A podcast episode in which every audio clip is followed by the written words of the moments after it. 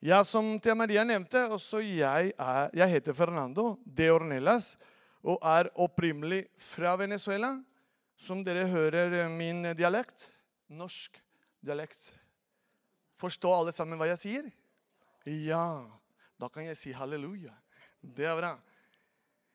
Dere, hvordan jeg skal starte Disse jentene skifter nå med bunad og alt. Så jeg skal prøve å gi litt Nå, De kommer nå. Det er flott. Ja, vær så god. Hvis dere er klare, vær så god. Jeg skal ikke starte ennå.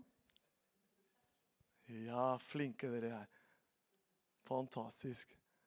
Jeg vet ikke hvordan dere klarte å, å skifte så fort, men det er bra også. Bare en liten refleksjon, dere. Også, som sagt, også jeg har vært sammen med de, men det er ikke bare meg. Det er uh, to ledere også som har vært med meg gjennom denne tiden vi har vært sammen. Og det er både Øyvor, som vant den konkurransen som dere så. Vi ble skikkelig som helt sånn én og én med Rachel. Så de er der borte, men jeg skal ikke kalle de fram. Men dere kan gi en applaus til de også. Flott. Og Det har vært en rik år. og så Vi ble kjent fra september til i dag. Og det er det som er spennende, det som kommer. Det beste ligger foran dere. Det beste ligger foran for dere. Det er en ny kapittel, en ny etappe i deres liv. Jeg håper det på en måte vi har lært sammen, for det er også dere har lært meg mange nye ting. Og det å, å være sammen med bare jenter, det er ikke bare bare. Men det var en flott år. Det må jeg si. Og refleksjon er det på en måte med hvordan skal jeg formidle det de har lært på kanskje 10-15 minutter. Det er ikke lett. Men jeg skal prøve på det. Fordi det er e- egentlig hovedbudskapet her. Det vi har snakket om, er Jesus. Det er fundamentet i vårt tro. Det er Han, Den hellige ånd og Guds ord. Det er det vi har på en måte lært. Og det er ikke bare teori, men det er også praksis. Og så Vi har vært sammen, og de har vært sammen både her og på skolen. Og det å ta dette i praksis, det er det som er utfordrende nå i denne tiden vi lever, i samfunnet vi lever. For det er rett og slett prinsippene og verdiene som ligger i denne boka, som er Bibelen, som vi prøver å lære og lever etter det. Og det er ikke lett. Det er noen som syns at det er kjedelig. Fair nok. Det er noen som syns det er litt rart i denne tiden vi lever. Men det er noen som syns at dette er spennende. Fordi det gjør noe i oss. Det former hjertet vårt, det former livene våre. Hvordan Guds ord, hvordan Jesus gir oss veiledning i sitt ord. Hvordan han valgte tolv stikker som eh, er disiplene hans, og forandre hele verden gjennom de tolv. Og det er det på en måte jeg tenker Jeg har fått den privilegium å ha seks flotte jenter og lære de de samme prinsippene som jeg fortsatte å lære. For det er ikke sånn nå, nå er jeg pastor, nå er jeg ferdig. Nei, jeg fortsetter å lære. Og det er det som er en fordel å tro på ham. For det er ikke noe sånn eh, du går et år på Tentro, eller er du konfirmanter, eller du kan studere et år på bibelskolen, og da er du ferdig. Nei, dessverre. Du fortsetter å lære gjennom livet. Når du møter motgang eller medgang, da former Gud både hjertet ditt og mitt.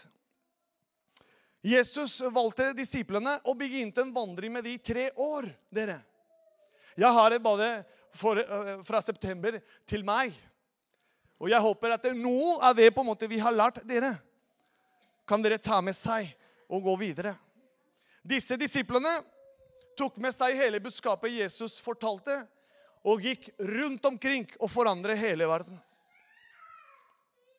Det går fint. Ja Der, ja. Men det som får oppmerksomheten min, er at Jesus tok disiplene og vandret med de i tre år og lærte de det på en måte vi har lært gjennom eh, denne tiden sammen med disse jenter. Og jeg tror virkelig å se allerede frukten av noe vi har lært. Det å stole på Han, selv om det kan være veldig skummel, Og nesten ja, 150 ca. Å stå her og lede møte eller danse, det er noe som Han kan hjelpe oss hvis vi lar Han og stoler på Han. Jeg som, eh, som sagt, altså, jeg drev ikke med dette med å være pastor i en menighet eh, mange, mange år. Altså, jeg er omtrent ti år, men før det jeg var fotballspiller. Og jeg kunne ha sjansen til å spille foran 60 eller 50 eller 30 000. Og da var jeg nervøs. Og da kommer den element som for oss troende er viktig, og det er å hvile i Han. Midt i den uh, nervøsitet som kanskje de to jentene hadde her. De stolte på Jesus, og de stoler på Han. Og det gir trygghet i oss. Og det er den eh, jobben som Den hellige ånd gjør stadig i oss, dere. Når jeg ser disiplene, hvordan de gikk, og plutselig Jesus sa, 'Nå må jeg gå.' OK, men jeg skal komme tilbake. Men når jeg må gå, og så det er nesten som OK, jenter. Det blir ikke flere onsdager vi skal samles. Søndager kanskje vi skal være her? Ja, men hva med mandag? Hva med tirsdag? Hva med onsdag, torsdag, fredag og lørdag? Hverdagen. Det er en tema, hovedtema som vi har her i menigheten i denne tiden. Hvordan er hverdagen vår? Det kan være vondt. Det kan komme noen tårer. Det kan komme noen latter. Og livet er sånn. Men med Han, som vi leser stadig i Hans ord, alle de som tror på Han, blir kalt Guds barn. Og vi kan stole på det.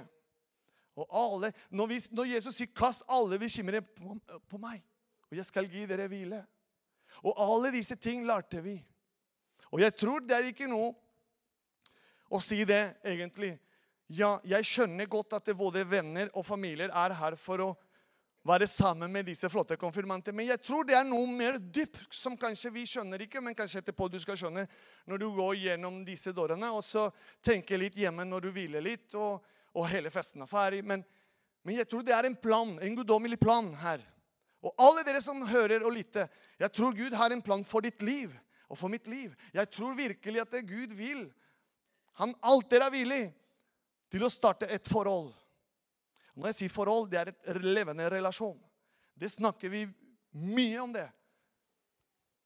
Og det er bare gjennom Guds ord, kommunikasjon med Han, som heter bønn, og åpenbaring av hvem han er egentlig. Når du hører Jesus, da er det som på en måte, det kommer et bilde automatisk. Og det på en måte vi prøver å praktisere, er og gir et bilde av, ikke av Jesus korsfestet, men en levende Jesus som er daglig med deg og med meg. Som vil starte en levende relasjon. Som dere merker, Jeg har ikke lest engang de notatene mine. Jeg kom bare med det som jeg er inspirert av han. Men det er et ord som jeg vil lese eh, til dere, som er i Kolossene brev, kapittel 3, fra 16 til 24. Og I vers 16 det står La Kristi ord bo rikelig blant dere. Så dere lærer og formanner hverandre i all visdom med salmer og lovsanger og åndelig viser og synger med takknemlighet i deres hjerter for Gud. Og i vers 17 det står videre Og alt dere gjør, alt dere gjør, i ord eller gjerning, gjør det alt i Herres Jesu navn med takk til Gud Fader ved ham.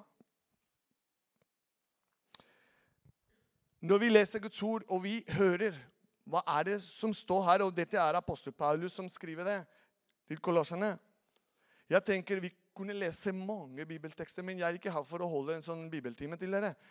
Men det er bare en liten bilde, eksempel av hvordan både i mitt liv har fungert at det når jeg tok seriøst Jesus fordi det var ikke sånn at eh, jeg trodde alltid på, på dette her.